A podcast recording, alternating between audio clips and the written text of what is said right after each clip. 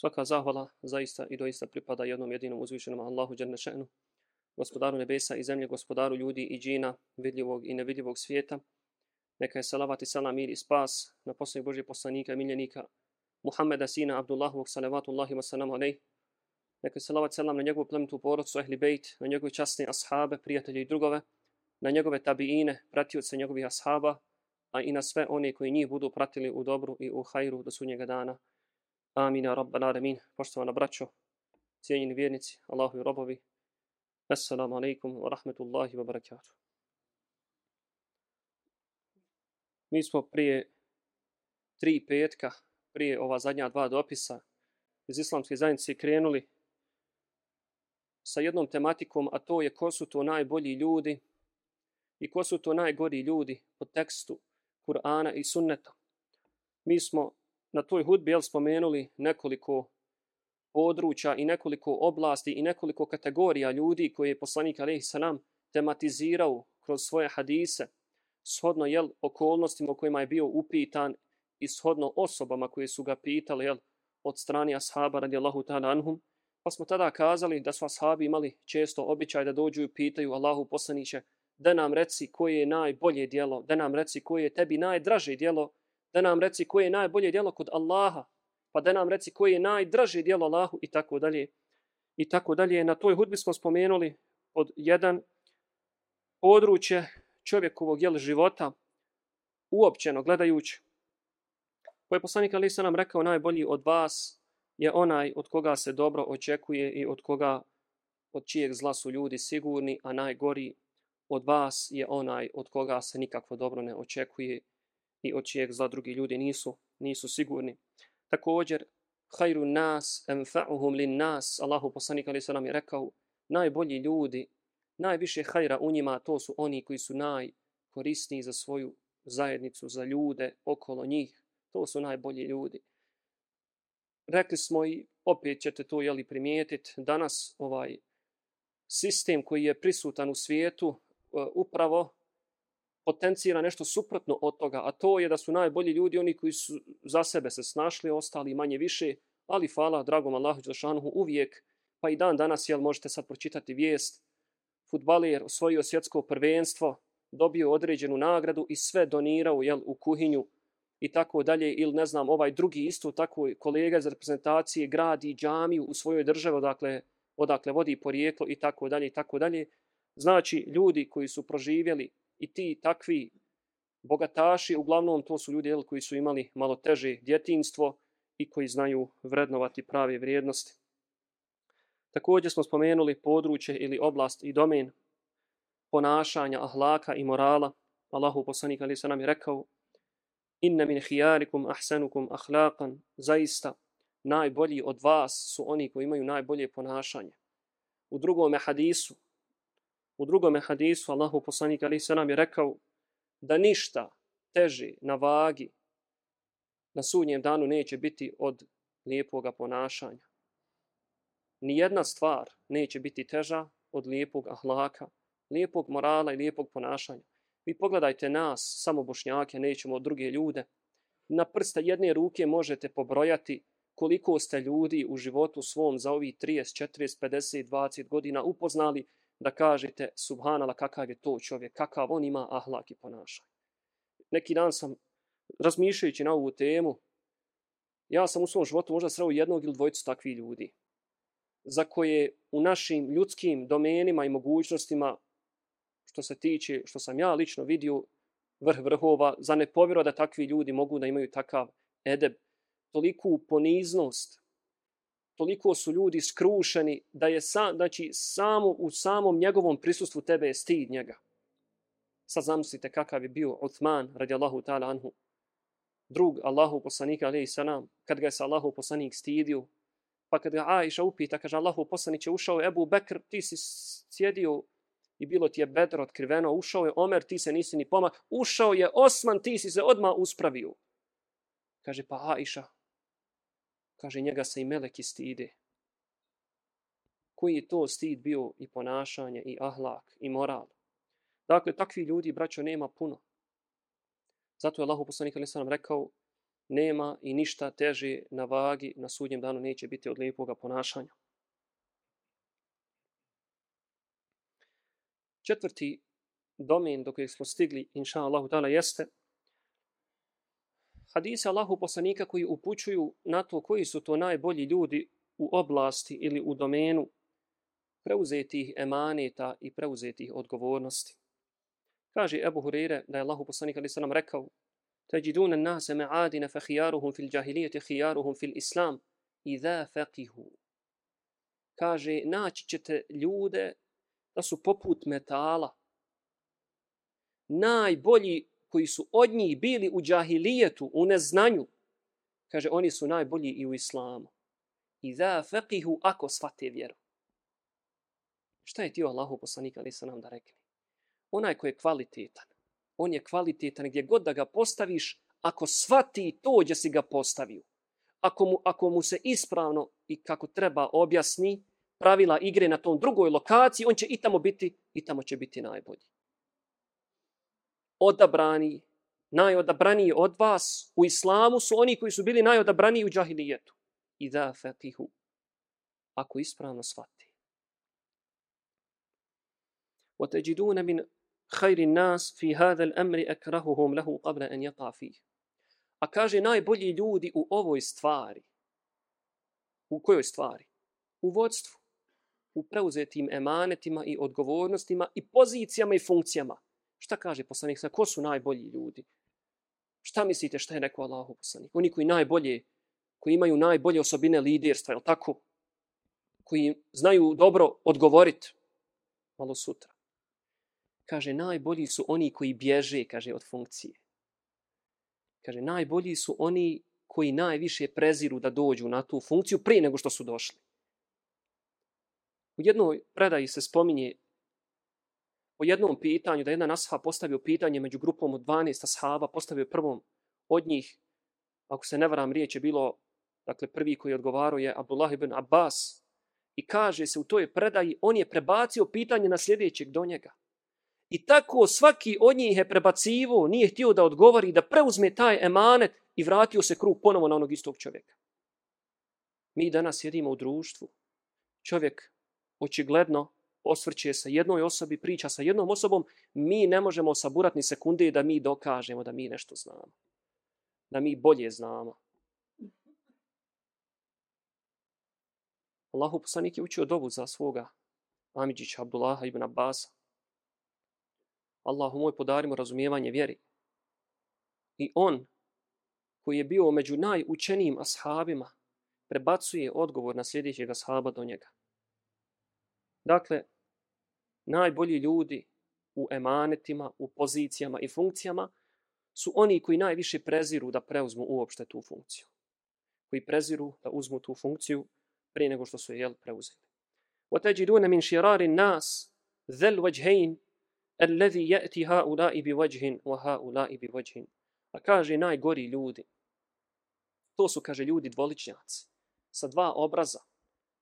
Dođu jednim ljudima sa jednim licem, odu drugim ljudima sa drugim licem. Što bi danas ljudi popularno rekli, integriše se. Munafički i licemjerno i dvoličnjaški. Integriše se i asimilira se. Tebi jednu priču, čovjeku iza leđa, drugu priču, onom trećem, treću priču. Kaže poslanik, to su, kaže, najgori ljudi. Koji nemaju svoje ja, koji ne žele stati iza stava, ako ga imaju uopšte, i tako dalje. Hadis je mutefakun alejih, bilježi ga šehan, imam Bukhari, imam Muslim. Od Hasana se prenosi da je Ubejdullah ibn Zijad posjetio Ma'qil ibn Jasara kad je bio bolestan. I rekao mu je Ma'qil, kaže, ispričat ti danas jedan hadis koji sam čuo od Allahu poslanika, ali sanam. Ma min abdin yasta'ihi Allahu ra'iyatan yamutu yawma yamutu wa huwa ghashun li ra'iyyatihi illa harrama Allahu alayhi al-janna. Kaže nema ni jednog čovjeka.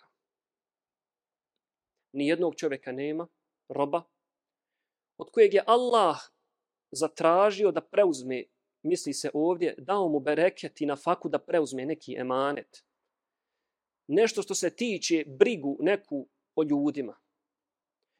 I on kaže na dan kada ga smrt zatekne, pronevjerio, kaže, taj emanet koji mu je Allah dao.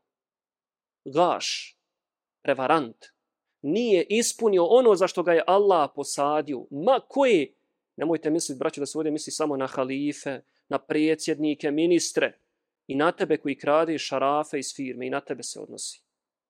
Ako si glavni šef na bilo kojem odjelu, tamam za šarafe i ti, i ti se, dakle, i, ti, i na tebe se odnosi ovaj hadis. Često kad se ovakvim hadisma govori, ljudi misli, ah, to je za ove predsjednike, to su lopovi, a ja sam pošten.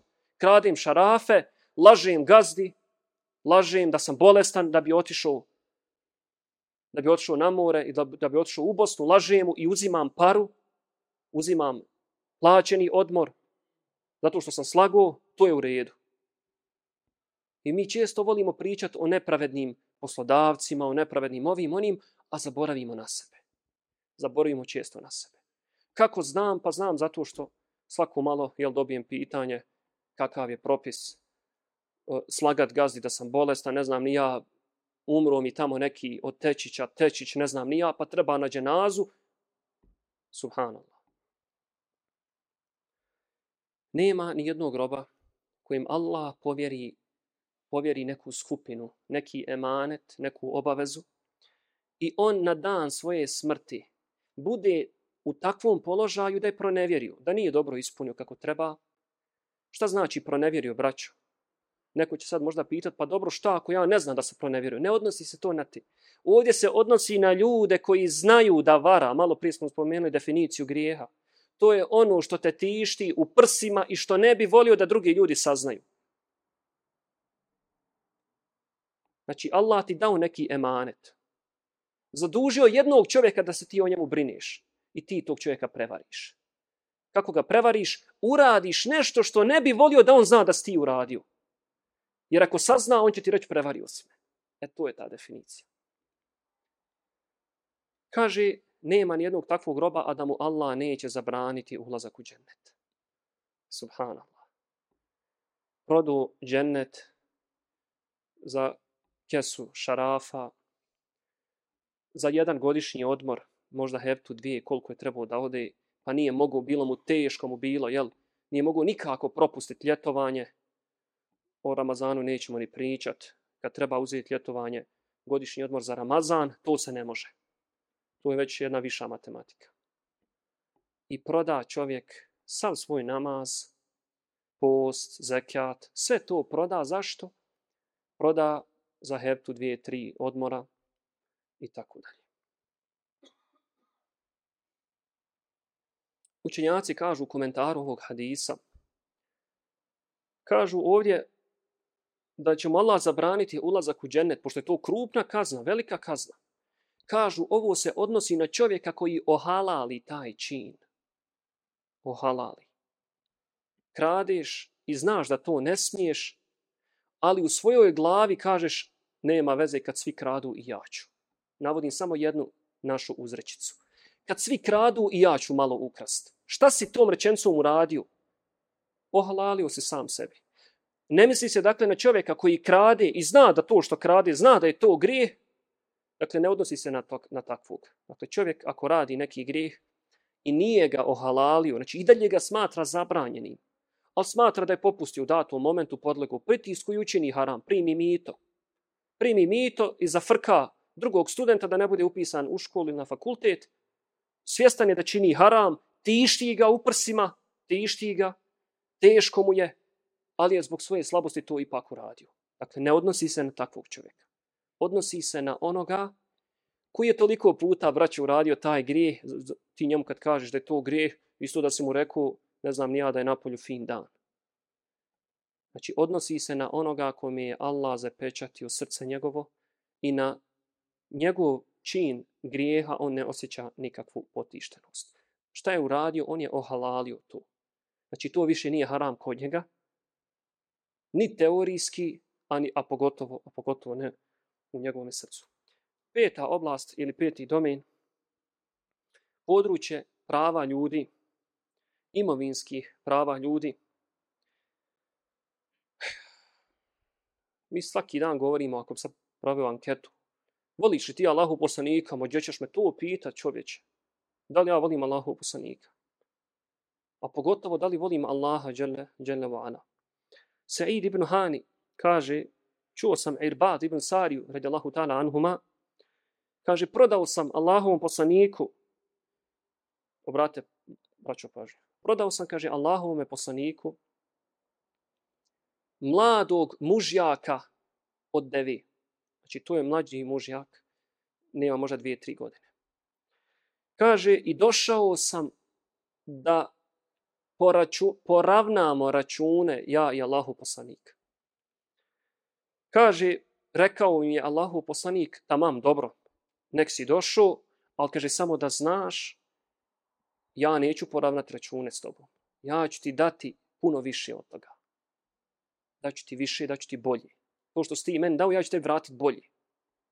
Kaže, vratit ću ti najbolju sortu od te sorte deve koju si ti meni dao. Kaže ovaj ashab, faqadani fa ahsana qada'i. I kaže, i Allahu poslanik je sve u račun sa mnom i to kaže puno bolje nego što sam ja njemu to, što sam ja njemu posudio i dao i prodao. Dolazi jedan beduin, isto tako, i kaže Allahu poslanik, a'tuhu sinnen, kaže, dadnite mu tu devu, odgovarajući godina koju je on nama dao, dolazi ashab koji je bio zadužen od strane Allahu poslanika, kaže Allahu poslaniće, mi nemamo te vrste deve, ti godina, mi samo, kaže, imamo devu koja je ušla u sedmu godinu. Puno veća deva, znači puno starija, puno skuplja na tržištu. I kaže Allahu poslanik je sve s njim račun na takav način. Vratio mu je puno bolje i puno više. Šta mi, braćo, radimo? Dužan čovjeku 5 eura, i dođe čovjek, je, ja došao da mi vratiš oni 5 eura, ruku za džep, eh, ja imam samo 10 eura. Šta mi radimo? Dođi sutra. Ne da bošnjo ni 5 eura viška da si, nema šanse. Dođi sutra. Dođi za mjesec dana, hej, haj kad te vidim u prodavnici ili na poslu ili u džami, ali nemoj Boga da ti ja dajem 5 eura više. To nemoj od nas tražiti. Dakle, takav nije bio, takav nije bio Allahu poslanik ali sallatu to sana. I onda je Allahu poslanik na kraju rekao, kad je ovaj Beduin izrazio svoje čuđenje, rekao je, kaže, inna hijara nasi ahsenuhum qada'en. Kaže, zaista, najbolji od ljudi su oni koji kada vraćaju, vraćaju boljim i većim, i skupocijenijim i vrednim. Na području podučavanja i traganja za znanjem, hajrukum men ta'allama al-Qur'ana wa 'allamahu najbolji od vas je onaj koji se sam poduči. Dakle, sam uloži trud i poduči se Kur'anu i poduči druge Kur'anu. To je najbolji čovjek u području znanja. Zašto? Pa zato što taj čovjek, braćo, učenje teđvida, učenje Kur'ana, to je vještina. To nije, braćo, sađenje motika, da ti rekneš, eh, sad ću ja da naučim teđvid i ja ću za pola sata da znam teđvid. Ne. Teđvid je vještina. Vještina koja iziskuje godine i godine učenja Kur'ana svaki dan. Da bi nakon izvjesnog vremena mogao da budeš na nekoj, na nekoj razini. Dakle, taj čovjek koji nauči tako dobro Kur'an i drugi počne da podučava u području znanja, dakle, to je najbolji, to je najbolji čovjek. Što se tiče životne dobi čovjeka, kaže poslanik ali se nam najbolji su oni men tale umru wa hasuna amelu. Kaže, najbolji su oni koji Allah poživi. Dadne mu da dug život živi. A kaže, hasuna amelu, kaže, a on kaže, taj dug život iskoristi za što više dobri dijela. Ne odustani. Dakle, to su najbolji ljudi u kontekstu jel, životnog vijeka. A kaže, wa šerru nas, men tale umru, kaže, wasa amelu, kaže, a najgori ljudi su oni kojima Allah dadne dug život, a oni, kaže, taj dug život iskoriste za loša djela. I na kraju, u području ili u domenu familijarnih odnosa i relacija, znate, Allah poslanik sam je rekao, hajrukum, hajrukum ni ehli, najbolji od vas je onaj koji je najbolji prema svojoj porodici, a od svih vas, kaže, ja sam zaista najbolji prema svojoj porodici. Ovdje ovo najbolji možemo posmatrati dvojako, Mi to uglavnom posmatramo kad kaže čovjek je dobar prema svojoj poroci. Pogledaj, kaže njega, kad žena kaže. To se uglavnom odnosi, jel, kad čovjek odvede ženu na more, kupio, ne znam, novu tašnu, djetetu kupi, ne znam, ja, najnoviji iPad ili telefon ili PlayStation, to je najbolji babo prema svojoj porodici. Jest kod nas, ali nije kod Allaha i dalje, još uvijek nije. Najbolji je onaj koji svake nedjelje šalje dijete u mekteb, koji svoju djecu navikava na teravih namaze od malena, čija djeca poste, koji uči djecu da uče Kur'anu i surama, to je najbolji, to je najbolji prema svojoj porodici. A onaj koji kupuje djecu, kupuje djecu hedijama, to nije najbolji roditelj, nego to on čini samo medvjeđu uslugu svome djetetu. Prividno mu želi dobro, zato što je neko drugi rekao da je to dobro. Ako ne kupi ženi tu neku tašnu, ti ne valjaš, jel? Pa ko je to rekao? Ako ne uzmeš stan na kredit, nešto si promašio u životu. Gdje piše u jednom hadisu, ajto da ti moraš uzeti stan? Gdje to piše? Danas kod nas je najbolje ono što je neko drugi naturio da je najbolje. Ono što je u našoj vjeri najbolje, to kod nas nije najbolje. I pogledajte kako ko kotira, vidjet ćete da uglavnom uvažavanje se izražava pred bogatim osobama koji vozaju dobro auto, koji imaju dobar posao u firmi, generalno, znači govorimo o stanju. Ima, fala Allahu Žešanhu, ima još ljudi koji poštuju Kur'an, kad neko lijepo uči Kur'an, kad neko pravilno uči Kur'an, ali moramo biti realni sve manje.